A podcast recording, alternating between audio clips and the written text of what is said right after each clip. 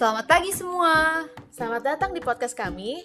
Ceria bersama KKN. Hai, jumpa lagi bersama aku Jihan di podcast Ceria bersama KKN. Jadi di sini aku lagi sendiri karena kemarin teman-teman udah pada buat dan aku berhalangan hadir. Jadi di sini aku pengen uh, cerita sendiri aja nggak apa-apa kali ya. Oke, jadi gini teman-teman. Sekarang kita bakal ngebahas tentang apa? Ada yang tahu nggak?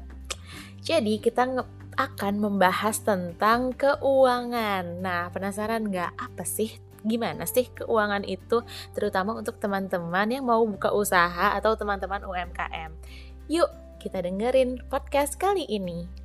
Oke, jadi gini teman-teman, kenapa sih kita akan membahas mengenai keuangan pada podcast kali ini? Jadi, menurut data dan riset yang telah dilakukan, tantangan terbesar UMKM sekarang adalah mengenai keuangan. Jadi, teman-teman pernah nggak ngerasain kayak misalnya ya, misalnya teman-teman nih yang udah punya usaha, uh, usaha misalnya apa ya, usaha minuman. Gue jualan minuman deh, juga jualan kopi, harganya 30 ribu satu.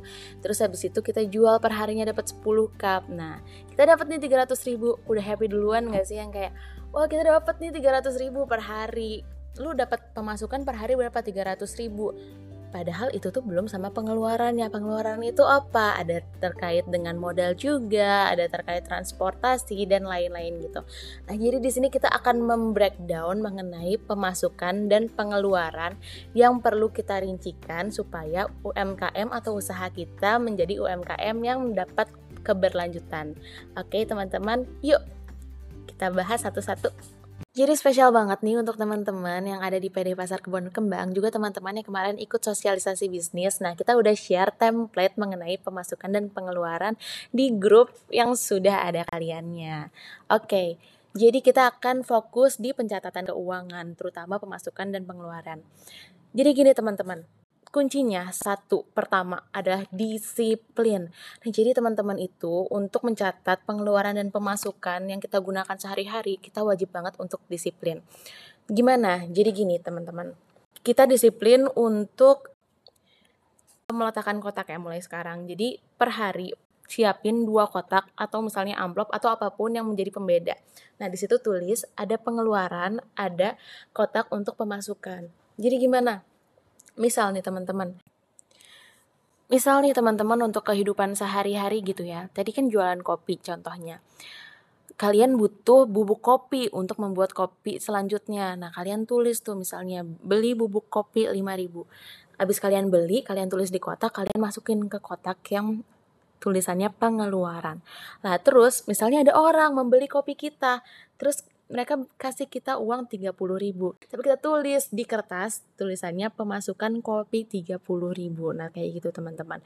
Per hari kumpulin untuk itu nanti ada berapa kertas. Nah at the end of the day sorry uh, di malamnya atau di sorenya gitu. Pas satu kalian sudah nggak jualan atau kalian udah nggak mau beli apa-apa lagi itu kalian lihat nih tulis di template yang kemarin sudah diberikan mana yang masuk ke dalam pemasukan, mana yang masuk ke dalam pengeluaran. Nah, itu kalian harus membuat data harian untuk bisa lebih disiplin dalam hal pemasukan dan pengeluaran dengan kayak gitu. Kita sama-sama bisa melihat nih.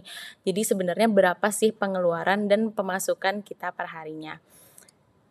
Untuk teman-teman yang gak masuk di grup, jangan khawatir. Kalian bisa download templatenya. Itu template keuangan aja kalian cari. Ada pemasukan, ada pengeluaran, atau tulisannya mungkin debit kredit. Nah, debit itu untuk pemasukan kalian dan kredit itu untuk pengeluaran kalian. Nah, kalian tinggal ganti tuh nama debitnya jadi pemasukan, terus habis itu kreditnya jadi pengeluaran. Oke? Okay? Teman-teman ada cicilan motor. Nah, di situ Nah, setelah kita melakukan pencatatan keuangan, kita fokus ke pemisahan keuangan. Oke, pemisahan keuangan ini apa sih, teman-teman?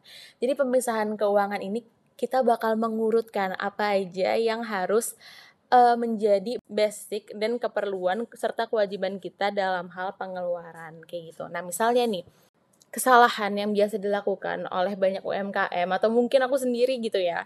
Misal kita dapat uang, 300 ribu tadi. Kita dapat 300 ribu dari menjual 10 cup kopi. Kita udah happy nih wow udah bisa kita gunain apa aja padahal nggak kayak gitu teman-teman. Jadi di sini kita ada pemisahan keuangan. Kalian teman-teman bikin lagi amplop 4 amplop cukup. Di situ kita tulis mengenai satu usaha, amplop kedua utang, amplop ketiga tabungan, amplop keempat itu keseharian atau keluarga ya. Nah, jadi gimana? Kita urutin dari amplop pertama itu usaha, ingat ya, amplop kedua itu utang, amplop ketiga tabungan, amplop keempat itu keluarga atau diri kita sendiri. Jadi, ketika kita sudah mendapatkan uang, kita sisihkan berapa sih modal usaha kita untuk usaha besok. Berapa sih modal kopi lagi untuk usaha besok? Misalnya modal kopi lagi untuk usaha besok itu satu cupnya 15 ribu. Nah kita mau jualan 10 kopi lagi. Kita sisihkan dari 300 ribu itu misalnya 150 ribu. Itu di usaha. Oke, sudah ya yang usaha. Jadi jangan sampai uh, kan tujuan di sini adalah membuat bisnis yang keberlanjutan. Jadi jangan sampai udah terlanjur hura-hura dan bisnisnya malah nggak berlanjut gitu ya teman-teman. Next kita ke utang. Kenapa setelah usaha itu yang kedua adalah utang? Karena utang itu adalah hal yang wajib teman-teman. Jadi ingat ya, utang itu wajib dibayar.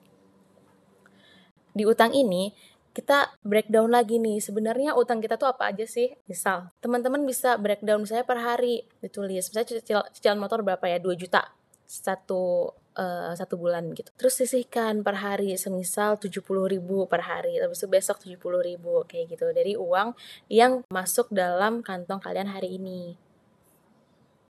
Karena biasanya ya teman-teman, utang itu sering disepelekan, padahal itu termasuk salah satu kewajiban kita dan kita bakal kebingungan di akhir bulan atau ketika sudah tenggat waktu membayar utang untuk uh, untuk membayarkan utang tersebut. Padahal kita bisa menyisihkannya dari awal, gitu ya teman-teman. Jadi setelah kita menyisihkan tentang usaha, lalu kita menyisihkan untuk utang, lanjut kita ketiga yaitu tabungan. Kenapa tabungan itu ketiga? Karena biasanya kalau misalnya di akhir tuh kita lupa teman-teman udah habis duluan ya kan nggak mau kan e, kalau misalnya nanti kita nggak punya tabungan ke depannya kalau misalnya ada dana yang tiba-tiba harus kita keluarkan untuk hal-hal yang tidak terduga oke okay? jadi tabungan itu yang ketiga kita mau nih menabung berapa misalnya perharinya sepuluh ribu taruh di situ uang sepuluh ribu untuk tabungan kita setiap hari oke okay? selanjutnya keluarga keluarga atau diri kita sehari-hari. Nah, itu uang yang bisa kita pakai. Seperti itu, teman-teman. Jadi jangan lupa ya tadi pertama apa? Sisihkan untuk usaha, berapa modal untuk besok. Lalu kedua, tentang utang, utang apa aja yang kita punya. Kita cicil perharinya. Lalu yang ketiga adalah tabungan, tabungan yang ingin kita tabung tiap harinya. Dan yang keempat adalah untuk kehidupan sehari-hari itu yang bisa kalian pakai. Oke, mungkin segitu aja untuk teman-teman. Jangan lupa kunci bisnis yang berkelanjutan adalah dengan disiplin pencatatan keuangan serta pemisahan keuangan. Semangat teman-teman semua dalam mengelola bisnis. Oke, okay, see you in next podcast. Bye.